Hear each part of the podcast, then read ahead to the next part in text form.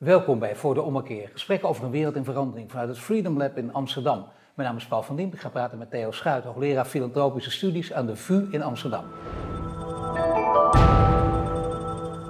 Meneer Schuit, welkom. Ja, wat is dat precies, eh, filantropie? Filantropie is een ander woord voor maatschappelijk initiatief. Vroeger kenden we het allemaal, dat heette toen particulier initiatief. Ja. Men had een aandeel in het dorpshuis, men betaalde mee aan de Vrije Universiteit. Ja. Om een voorbeeld te geven, tot 19... Ja, ik zeg altijd tegen studenten, wie heeft de Vrije Universiteit opgericht? Dan roept iedereen Abraham Kuyper. Ik zeg, maar wie heeft hem betaald? en dan is het stil, want Abraham Kuyper heeft hem niet betaald. Nee, de heer Hovey, bierbrouwer in Amsterdam, die heeft een heel groot gedeelte van het startkapitaal geleverd voor de VU. En daarom staat de VU, samen met wat gereformeerde families, maar daarom staat de VU ook in Amsterdam. Dat had ook net zo goed de Hoofduniversiteit kunnen heten. Misschien had het in deze tijd of zo gewoon Wie weet. Wie weet. Waarom is filantropie nu in deze tijd belangrijk? Ja, het komt op een bepaalde manier eh, terug. En dat heeft eh, niet zozeer te maken met wat iedereen roept, de overheid trekt zich terug. Dat gebeurt ook helemaal niet zo erg. Maar het heeft veel meer te maken dat mensen zelf bewust zijn en zeggen van ik wil ook zelf, nou zeggen door mijn eigen inzet en betrokkenheid dingen realiseren. En dan ga ik weer niet allemaal papieren invullen en via de overheid, ik wil het ook zelf doen.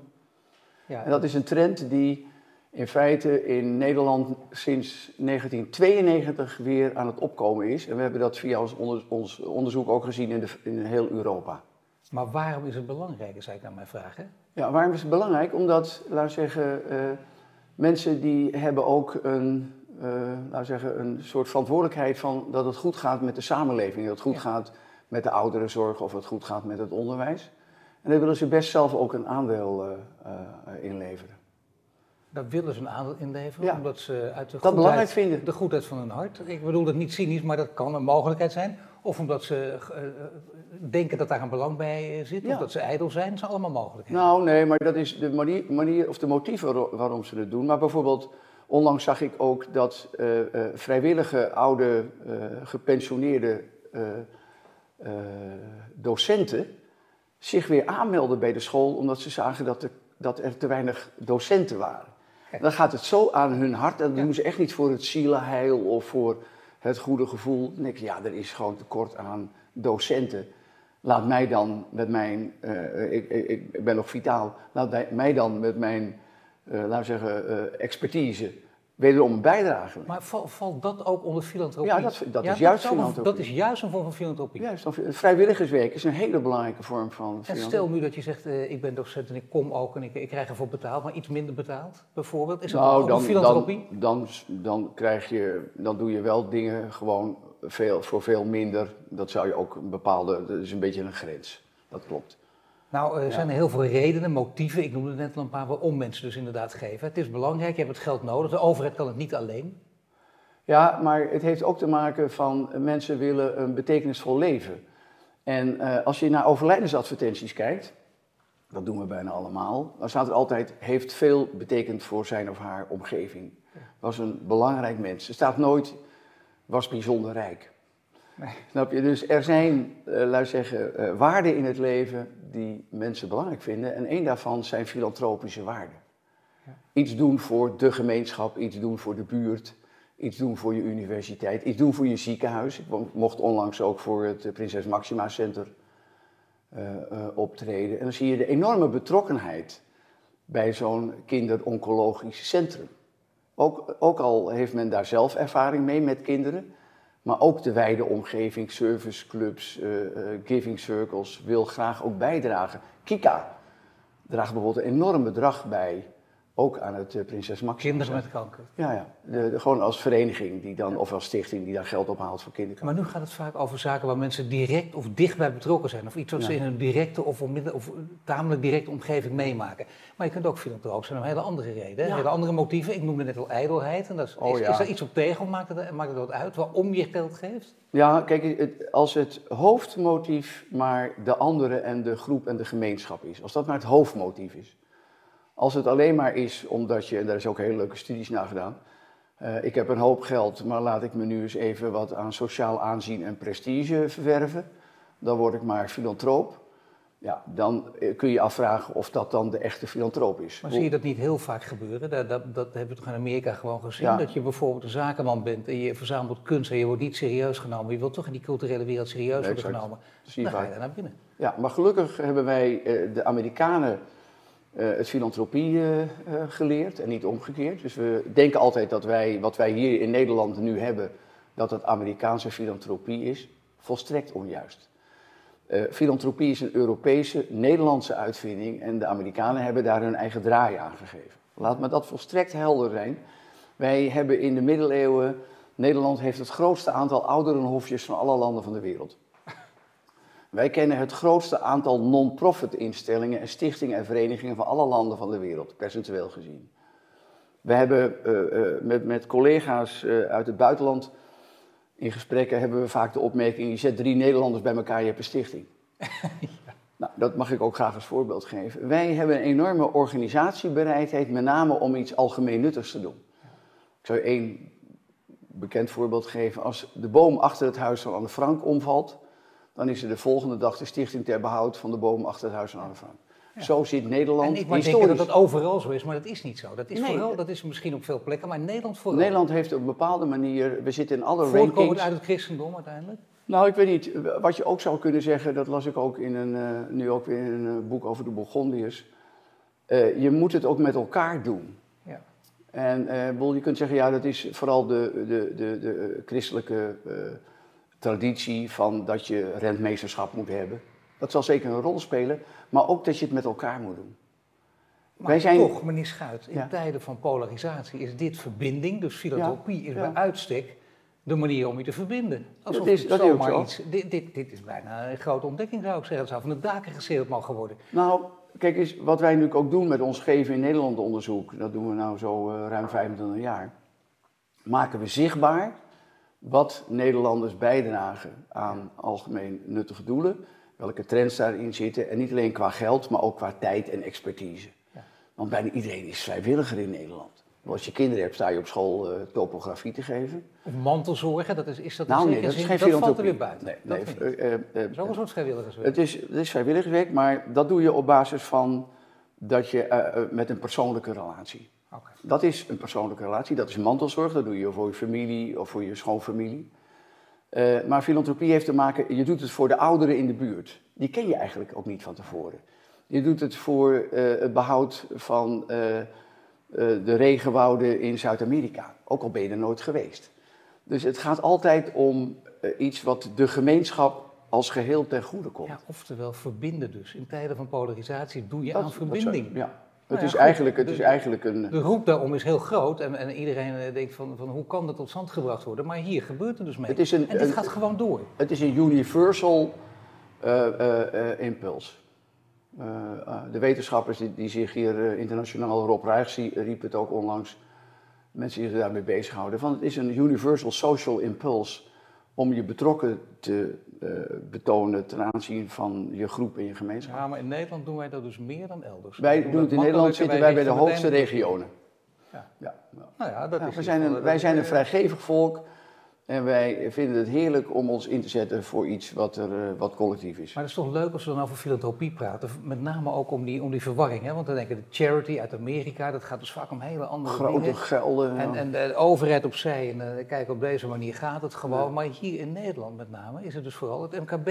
Particulier initiatief, letterlijk. ja, En dat zijn Lokaal niet mensen met heel veel geld, maar gewoon mensen die, Ja. die je geld opbrengen. massa is kassa, laat ik dat gewoon helder zeggen. Ja. En ook eh, gewone huishoudens. We hebben eh, in het Geven in Nederland onderzoek wordt het grootste gedeelte ook eh, bijgedragen door de huishoudens van, zo- zoals wij. En ook Giving Europe hebben we ook nu een eerste onderzoek naar gedaan. Het blijken ook gewoon de huishoudens de grote gevers. Hoe komt het dat die, die, als het gaat over filantropie, dat we dan toch steeds, in ieder geval Steeds gekaapt. in de media is het aan gekaapt. Amerika en charity? Nee, het is allemaal gekaapt door de media. Dus meneer, meneer Bezos en, en Buffett, oh jongens, en de pledge, het, is allemaal, eh, het moet allemaal in het nieuws. Ja. Daar gaat Dus het niet om. die grote tafels en zo, Oh, grote galafeesten, Oh, parties. het is allemaal dus de wereld. Terwijl het overal in alle samenlevingen aanwezig is. En wij hebben er wel een extra we zeggen, talent voor. In Amerika is het heel belangrijk om je naam ergens aan te verbinden. Nederland niet. Nee, en ook overigens over de macro-economische cijfers. Kijk het totale geefgedrag in Nederland ligt, we zijn nu met onze nieuwe meting bezig, rond de, tegen de 6 miljard. Het is een lage schatting, hele lage schatting. Nou, dat is pakweg 0,8 procent of tegen de 1 procent. En in Amerika roept men altijd, nou dat is fantastisch, die filantropie, ja, philanthropy, ja fantastisch. 2 procent van het bruto binnenlands product. 2 procent. Met een belastingdruk die, want wij eh, zijn zelf in Nederland enorme filantropen, alleen via de belastingen. Want wij dragen allemaal bij aan jeugdzorg, aan, aan, aan heel veel voorzieningen. Terwijl in de Verenigde Staten word je daar niet voor aangeslagen. Maar wij geven toch daarnaast geven wij bijna, ik denk als we alles zouden uitrekenen, bijna 1% van ons bruto binnenlands product geven wij aan maatschappelijke doelen in vergelijking met de VS met 2%. Hè? Ja. Snap je? En dan allemaal philanthropy. Ja, kun je nagaan. Kun je nagaan. Nu is het wel zo dat uh, onderzoek van de Volkskrant uh, onlangs iets anders liet zien. Hè? Ja, die huishoudens die geven wat minder. Maar... Toen ging het over dat, je, dat, dat generaties op heel andere manieren geld geven. Ja dat oudere generaties gewend zijn bijna op abonnementbasis. Ik geef het weer aan het Natuurfonds en dat blijven we ja, leven lang doen. Elke maand weer. En jonge generaties, blijkt uit het onderzoek, doen dat niet op projectbasis, crowdfunding, af en toe een keer iets wat ze aanspreekt. Dat is toch een totaal andere manier van, van geld weggeven. Ja, en uh, we zijn ook uh, in overleg ook met de goede doelenorganisaties om onze cijfers, om aan de hand van onze cijfers ook hen een soort uh, laten zeggen, advies te geven, een spiegel voor te houden van hou er rekening mee dat je wel ook moet aansluiten. Want die oudere generatie, ja, die wordt minder. Want die blijven ook, wat kerkelijke mensen geven het meest in Nederland. Maar ja, die groep wordt steeds kleiner en wordt ouder. Daardoor geven ze ook steeds meer. Ja. Maar op een gegeven moment houdt het op. Nou, dat zou ik zeggen, dat is een behoorlijke ommekeer in de filantropie, letterlijk. Ja, maar toch, dan nou. komen er andere vormen die, een van onze collega's, uh, uh, Claire, die doet onderzoek en die promoveert op crowdfunding. En die laat bijvoorbeeld zien dat je via bevriende mensen die dan zo'n actie beginnen, weer voor iemand anders. En dat werkt ook heel goed. Maar toch, organisaties als het Wereld Natuurfonds, Greenpeace, ja. uh, het Kankerfonds volgens mij ook. De grote clubs die jarenlang gewend zijn gewoon elke maand geld te, te krijgen. En die daar ook jarenlang op kunnen vertrouwen en kunnen bouwen. Die moeten toch inderdaad dus naar die andere vormen gaan kijken. Nou, wat betreft de huishoudens. Maar er zijn ook hele positieve... Kijk, die huishoudens nemen wel af en de vormen daarvoor. Maar als je bijvoorbeeld nalatenschappen bekijkt, die nemen een enorme vlucht. Ja. Ik heb in 2001 bij mijn uh, oratie, mijn eerste oratie aan de VU, heb ik ook de gouden eeuw van de filantropie aangekondigd. Het is zo, en uh, we hebben dat op basis van uh, ook CBS-gegevens, mijn collega René Bekkers heeft dat uitgerekend.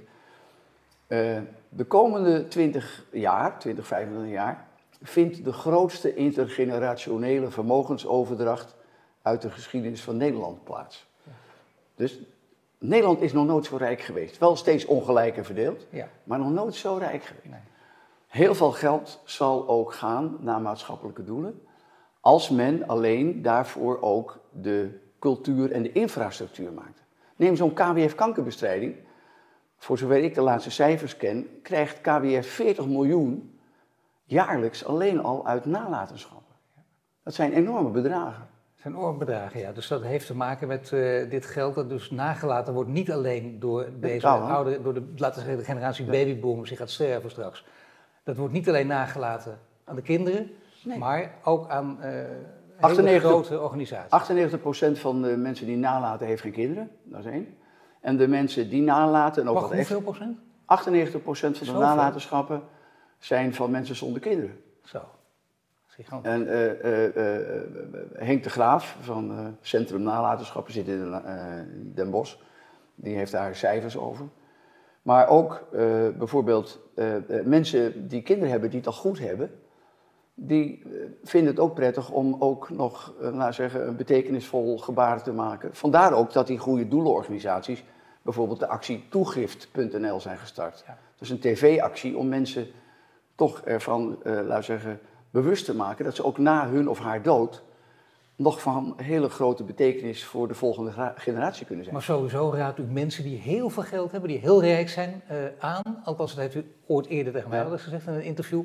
Raadt u uh, die mensen aan om kinderen, juist hele rijke ouders, dat geld niet aan die kinderen te exact. geven? Nou, dat Want dan gaat het maar op aan echtscheidingsadvocaten, dan gaat het maar op aan Ferrari ja. en heroïne. Ja, klopt. Nee, dat is een fantastisch dat citaat. En dat is, een heel, dat is ook een goed citaat. het gaat nog steeds op. nee, maar het gaat ook nog steeds op. Het is zelfs zo dat Ik heb dat geleerd van uh, private bankers. Je had uh, Mees Piercer Charity of ING Charity Desk in Singapore.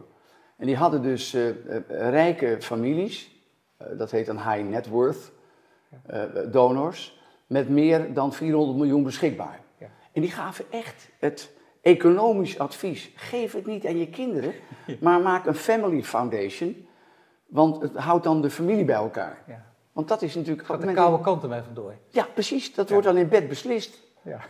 ja. ja. Nee, maar dat is, dat is echt vreselijk. Ja. Nee, dat is, dat, dus dat is een heel goed serieus, gewoon, gewoon een puur maar zakelijk ook, economisch advies. Dichtbij, wij wonen in Alkmaar. En een, Wie zijn wij? Uh, mijn, echtgenoot en ik, die... Schuitjes. Uh, die, mijn, ja. mijn echtgenote, wij hebben één zoon en, en on, een, een ondergetekende, onze zoon woont in Amsterdam, maar wij wonen in Alkmaar. En goede vrienden van ons, helaas één, Harold is overleden, die hebben een kunstcollectie. En samen met zijn partner Mark heeft hij van zijn kunstcollectie heeft hij een uh, thuismuseum gemaakt. Eigenlijk met hetzelfde idee dat familieleden dan al te gemakkelijk misschien van die prachtige collectie allemaal dingen weghalen, waardoor, laten zeggen, de meerwaarde verdwijnt. Ja. Juist ook met het idee van dat is dan, dan blijvend iets ze hebben een stichting gemaakt, uh, Stichting Ouwerhaan, om het weer aan de volgende generatie over te geven. Oh ja, maar dit begrijp ik heel goed. Dat vind ik hele serieus. Ja, dat is een hele goede reden om dat niet door te geven. Maar die anderen ook, hè, van die echtscheidingsadvocaten, die Ferraris en de heroïne, ze gaan het maar verbrassen. Ze gaan verbrassen en dan kun je beter, ze zeiden gewoon, die, die, die private bankers zeiden gewoon tegen die rijke uh, uh, donors, als u, als u het echt wil aan uw kinderen geven, kun je beter uit het raam gooien. ja, dat, is dat was, was ja, dat zit wel. Ja, maar ik heb het geleerd van de bankiers. Ja. Ja. Nu is er nog meer. Uh, kijk, als er toch zoveel geld is, die intergenerationele overdracht, de grootste ooit in de geschiedenis, door, die, door die vakgroep berekend, dan denk je, nou, dan is er dus geld voorhanden, meer dan genoeg geld van. Wat of geld is een probleem. En zeggen we, geld is een probleem niet, je moet alleen weten waar de potjes zijn. Nee, je moet het niet weten. Je moet, neem, neem de Vrije Universiteit bijvoorbeeld. Dan geef ik aan studenten de opdracht: probeer nou eens een virtuele donatie te doen van 100.000 euro aan de VU. Nou, ze zoeken zich op de website toch behoorlijk een lange tijd. Uh, uh, bij onze werkgroep. Ook al zou het willen, dat kan niet. nou, je moet even lang doorzoeken. Heel moeilijk. Heel lang doorzoeken. Als je, de belangrijkste reden is, als je je interne organisatie er niet op hebt ingesteld, dan krijg je er niet. We hebben onderzoek gedaan naar de geefwet. De G-vet is voor culturele instellingen. En uh, door de bezuiniging in cultuur hebben ze gezegd, dan moet u ook meer cultureel ondernemerschap, maar u moet ook vriendenstichtingen beginnen, u moet gaan fondsenwerving gaan doen, wijzer werven. Dus in het model zat veel minder overheidsgeld, dus bezuinigingen, sense of urgency, uh, kaartjesverkoop, museumwinkel, uh, enzovoort, enzovoort. Dat is dan cultureel ondernemerschap, maar ook vriendenstichtingen, fondsenwerving. Ja. We hebben daar onderzoek naar gedaan. Wat blijkt? Als je als organisatie, vooral de grotere, je al hebt ingesteld dat je dat kunt gaan uh, effectueren, dan lukt dat. Maar vaak is het gewoon de interne organisatie die daar, die daar totaal niet op ingesteld is. Daar zit het probleem. Het probleem is, en dat is ook in een artikel wat ik in de Volkskrant heb geschreven over, uh, over scholen. Het eh, gaat over de G-vetters voor cultuur en uh, dan gaat het in dit geval over onderwijs, hè? scholen. Die, die zouden dat, zich er ook voor moeten openstellen. Die zouden, de, G-wet heeft duidelijk gemaakt dat als je uh, als instelling intern zorgt dat je je netwerken met mensen buiten, je draagvlak, dat je dat aanspreekt, dat je die uitnodigt uh, dat je, als ik, ik mag wel een aantal musea adviseren. Dat doe ik dan gewoon uh, voor niets. En, uh, maar dan krijg ik ook altijd bij openingen, mag ik met mijn echtgenoten, worden we dan uitgenodigd. Dan staat in dat Taco Dibits, staat... Rijksmuseum. Met, met Erik van Ginkel en met, met, met andere bestuursleden, die staan aan de deur handen te geven. Uh, als je naar Tijdens Museum gaat, dan staat Marjan Scharlo ja, staat daar. Ja. En mensen worden uitgenodigd, die worden gevierd. Ja. Die worden... Nou, dat is de houding waarin je de, laten zeggen, de, de kwaliteit van je instituut uh, uh, weet te verbinden met het betrokkenheidsgevoel van je omgeving, met je draagvlak. En dat moet je onderhouden. Ik, bedoel, ik zeg altijd zo dat je moet eigenlijk je, je, je, je non-profit instelling organiseren als je iets wil met vriendenstichtingen en met fondsenwerving, alsof je je verjaardag organiseert. Mensen moeten het een eer vinden om uitgenodigd te worden. En ze moeten behoorlijk smoren in hebben als ze er niet bij horen. Ja. Nou, dat is eigenlijk de kunst van het fondsenwerven. Het moet een eer hoe zijn. hoe zou onderwijs dan, want daar ging het nu over, hè, wat u wilde zeggen. Zorg nou dat, dat onderwijs zich ook op deze manier openstelt, zodat ze makkelijker geld krijgen ja. Via nou, filantropie. Ja, nou kijk, het belangrijkste eh, eh, probleem bij onderwijs is natuurlijk gewoon dat de structuur, die mensen hebben zo ontzettend veel last van regeldrift. Ze moeten natuurlijk van alles. En eh, ten tweede hebben ze na zoveel jaren, er wordt altijd geroepen meer geld voor onderwijs. Dat ben ik ook volstrekt mee eens. Er moet meer geld voor onderwijs. En daar wordt vaak achter om de ongelijkheid tegen te gaan. Om de nou, ongelijkheid. Nou, helemaal, helemaal mooi om filantropisch geld binnen te halen. Ja, nou, en dan, en dan alsof, alsof je dan, als je je extra investeert in je draagvlak, maar dat is niet alleen maar. Uh, uh, bijvoorbeeld, ik zat in, de, in een hele zwakke sociale school Ieders Lands College. Dat zijn weer vrienden van de vrouw van een goede vriend van mij. Is daar, geeft daar leiding aan. Of ik daar over fondsenwerving iets wilde vertellen. Dat doe ik met plezier. Ik zeg, hebben jullie ook contacten met de ondernemersvereniging? Ze zitten op een industrieterrein. Ja. Ik zeg, zijn die mensen allemaal wel eens binnen geweest? Weten ze dat je bestaat? Ja, ze zien allemaal donkere jongens daar uh, naar school gaan, die gaan weer weg. Ja. Nou, als je zo'n houding, en ik kan het heel begrijpen, want dat zit niet in zo'n school, want ze moeten dit, ze moeten dat van de overheid en dat van de overheid en dat van de inspectie. Maar haal eerst je mensen eens binnen. Zeg ik vervolgens tegen, tegen ja, jullie hebben, ze hadden geen geld voor schoolreisjes. Ik zeg, ja, prima. Ik zeg, weet je hoeveel Amsterdamse fondsen er zijn? Fondsen? Ja, het gemeentefonds. Een gemeentelijk fonds, daar heb ik het juist niet over. Je hebt ontzettend veel armoedefondsen in Amsterdam. Dat, dat kennen ze dus niet. Zit niet in het zit niet in de mindset. Daar hebben ze nog nooit over nee, Maar dit is toch weer het verhaal van er is genoeg geld, maar je moet het wel weten. Nou, je moet, dus letterlijk, je moet, het wel weten. je moet weten dat die fondsen er zijn. Als je intern niet de, de houding en de cultuur en het enthousiasme hebt, dat je in de toekomst, eh, en dat geldt bij alle sectoren, en, en onderwijs moet natuurlijk, is gewoon een eerste primaire overheidsverantwoordelijkheid. Er moet heel veel meer geld naartoe, ook naar universiteiten. Maar als er zoveel bereidheid om extra dingen te doen aanwezig is, zet daar dan ook op in. Heel eenvoudig, als je 10% van je budget, dat is veel hoor, maar ja, dat wou ik zeggen. Als je 5% van je budget, laten we 5%, dan moet je 5% van je interne organisatie moet je er ook op inzetten. Maar dat doen ze dus niet, want het nou, maar dat geld, het, waar het om gaat dus dat, dat, dat, dat, is heel interessant. Ik denk voor veel mensen die het niet weten, zal dit ook een eye-opener zijn. Die bijvoorbeeld in de onderwijswereld werken, die denken, wacht even, dat, zoveel geld is er dus uit de markt. Nee, en dan, is er letterlijk uit die filantropische markt te halen. Ja, natuurlijk. En dan gaan we geld, wie nou, weet waar het geld zit. Ja. maar dat is een hele verkeerde houding. De verkeerde houding niet, waar zit het geld? De, de, houding is, wat is, wie vinden mijn school uh, belangrijk? Uh, uh, neem het voorbeeld van onze zoon, die zat op het Memelius Gymnasium. Hij zat in klas 6D. Er waren al vier, geloof vijf, zesde klassen van het gymnasium. En de groepsgrootte was, geloof ik, 29. Ja, ja, dat is... Zeg ik, er zijn, wel, zijn wel hoge aantallen voor een eindexamenklas, voor een categoriaal uh, gymnasium, zeg ik tegen die conrector. Zeg, heb jij uh, goed gestemd? Dus ja, ik zeg, ik heb zo, zo wel progressief gestemd, meer geld naar onderwijs. Ik zeg, heb jij een fonds?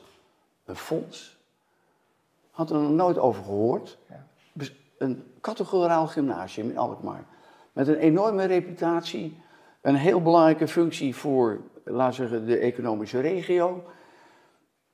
Contacten met die. Nee hoor, met. Uh, dus het, ja, wat, wat, wat, is dan het advies van Theo Schuit? Dat zeg je tegen de school. Je moet niet op zoek gaan naar geld. Nee, je moet juist geen geld. wel. Maar hoe moet je dan doen? Nee, je moet gewoon zorgen dat je je, je je maatschappelijke netwerk. Dat je die bij je school betrekt. En dan komt het geld erna. Dan komt het vanzelf. Nee, dan komt het geld vanzelf, ja. Gouden regel is, vraag geen geld. Gouden regel is, kijk, laat mensen zien wat je doet. En natuurlijk, als jij een schooluitje uh, wil regelen en er zijn heel veel arme kinderen, dan moet je gewoon naar een Amsterdams armoedefonds gaan en zeggen van jongens, kunnen jullie 10.000 euro opleveren? Nee, maar het is toch, ik snap wat je bedoelt, dat is natuurlijk de meest chique manier ook, maar het is toch wel handig om te weten wat voor fondsen er zijn. Dat je daar even ook mee bezig bent. Moet en dat je tegen ze zegt, en niet met een lulverhaal, maar gewoon met een echt verhaal kijken. Willen dit geld hebben om deze reden? Ik begrijp dat jullie geld hebben, we willen een gesprek over. En is als daar echt zoveel geld te halen is, dat, dat heel veel scholen daar... Eh, 5% van hun budget aan kunnen toevoegen. Dat is een behoorlijk bedrag. Nee, dat is, er is heel veel, het belangrijkste is, er is heel veel bereidheid ook van gewone burgers om wat extra's te doen. En soms kan het zijn dat je door het lokale bedrijfsleven, dat je, en dat doen veel scholen, veel uh, VMBO-scholen hebben die contacten gelukkig al. Maar dat is de, de, de, het, het gaat om de maatschappelijke inbedding van je school. En als die er is, dan krijg je ook geld als je tekorten hebt. Daar zijn scholen wel vaak uh, bang, en niet alleen scholen, ook andere instellingen voor Oké, ik krijg het geld, maar dat zal wel niet voor niks zijn. Is het genoeg als ik ze bijvoorbeeld, uh, wat je zegt, in de watten leg uit? Ja, of, of gaan of, ze dan of, de zaak bepalen? of moeten ze inderdaad toch een vinger in de pap hebben op een bepaalde manier? Of willen ze misschien één lokaal? Dan zeggen we, Theo Schuit heeft een fonds en op deze school, dit gymnasium, moet, dit wordt het Theo Schuit lokaal. Dat, wat is dat, op tegen trouwens? Nee hoor, dat, ik zou, eh, dat is niet, eh, de meeste Nederlanders zijn daarvoor niet in om wat extra's te doen. Dat is Nog steeds niet? Nou ja, het Concertgebouw doet het natuurlijk met keurige zaakjes en het Rijksmuseum ook. Maar die ziet ook een bepaald segment van de markt. Ja. Dan zijn er mensen die dat heel belangrijk vinden, want uh, zoals de socioloog De Zwaan altijd zei, mensen zijn goed vanwege de verwachte goedheid van anderen. Ja. Dus je moet vooral laten zien wat de anderen doen. Ja. Dus maak een platform voor, uh, vooral ook voor het scandaliseren, die heeft niet meegedaan. Maar goed, Nee, maar hoe zijn die verhoudingen tussen filantropisch geld? Is dat, is dat geld? Want vaak, uh, kijk, als je een investeerder hebt, ja, dan weet je dat is niet voor niks. Dan moet iets, uh, ja, moet een return on investment komen. Maar wat is return on investment bij een filantroop? Kijk eens, uh, men kan ook tegen minder geld, bijvoorbeeld de VU heeft een heel goed project, dat heet een zorgrobot. Voor eenzaamheid onder ouderen en dan een robot. Nou, daar moet ook in geïnvesteerd worden. En dan zijn er, eh, kijk eens, je hebt, dat weet ik ook van bankiers, je hebt uh, mensen die hebben een bedrijf verkocht en hebben netto 15 miljoen over. Ja. Nou, dan 10 miljoen gebruiken ze voor hun eigen zekerheid, dat lijkt me heel uh, verstandig. 1 miljoen gebruiken ze om af en toe wat, uh, wat te proberen om s morgens in de Telegraaf een optimistisch of een pessimistisch gevoel te krijgen voor die 1 miljoen. Ja, kan. Het is weer gedaald of het is weer gestegen.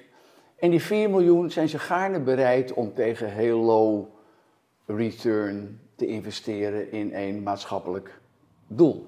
En dat kan zijn. ja, dat kan zijn. Dat kan zijn bijvoorbeeld het, het, het verder brengen van uh, het project uh, Zorgrobot.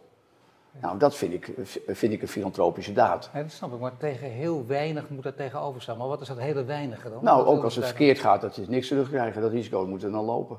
Maar hoe gaat het meestal in de filantropie? Zijn er meestal echt. Is, ik heb altijd gedacht, filantropie betekent een gift. Ja. Letterlijk een, eenzijdig dus, hè? Je geeft geld. Ja, dan moet je ook verder geen andere... En, en niets, niets zeggen over. Nee, dat vind ik ook. Dan moet je, maar je hebt nu over investeren. Dus Marnix van Rijn en ik hebben ook al jaren geleden een boekje geschreven over wetenschappelijk investeren.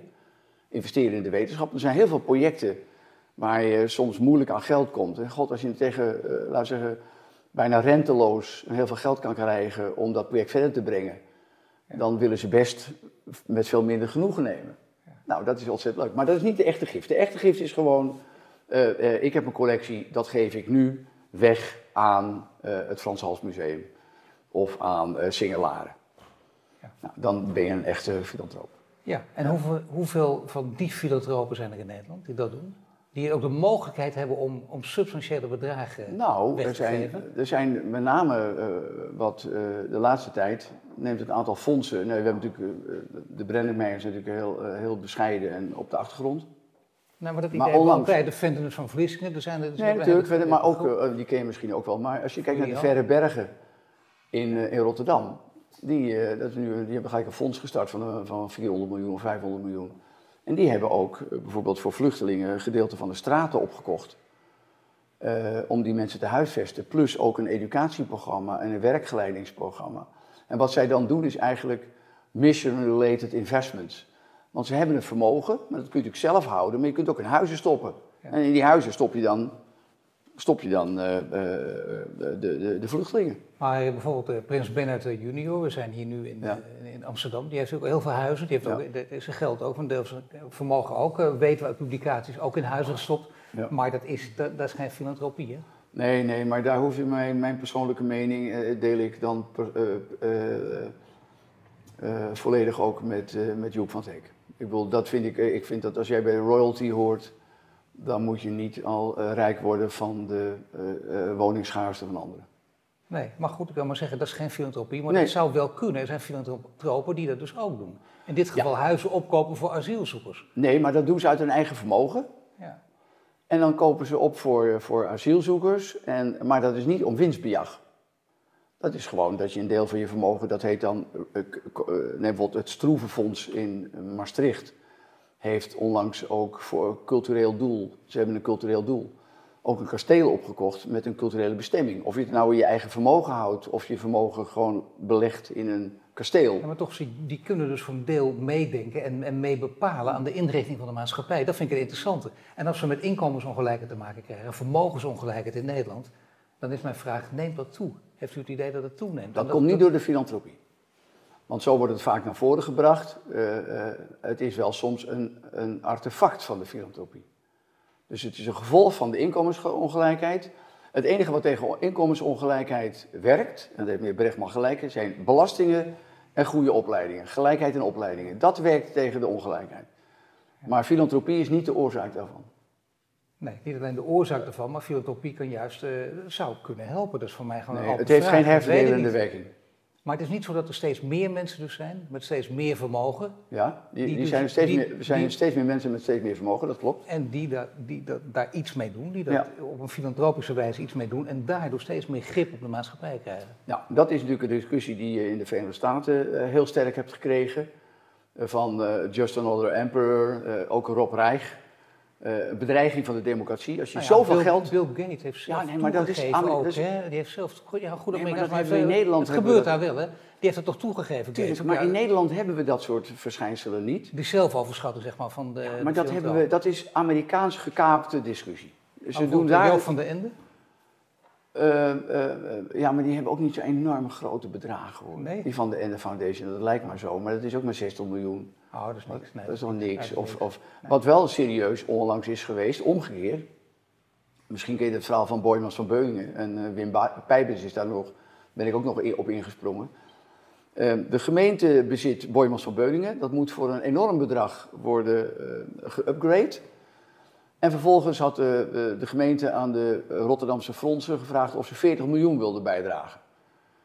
Maar dan wel volgens de governance-regels die de gemeenteraad al had vastgesteld. En toen zei Wim Pijpers, ja, dat is allemaal prettig, maar als u extra belasting wil hebben, zeg het dan duidelijk. Maar wij gaan niet gewoon zomaar even 40 miljoen, terwijl we er helemaal geen enkele stem in hebben. Zo gek zijn we ook weer niet. Nou, dat is iets wat de komende jaren weer gaat groeien.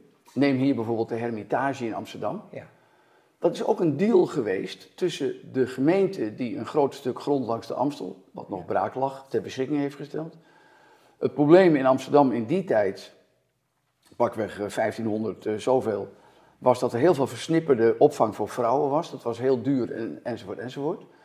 En toen met het vermogen van Helleman en de diaconie is er toen een enorm oude vrouwenhuis, wat nu de Hermitage is, gebouwd. Fantastisch, aan de Amstel.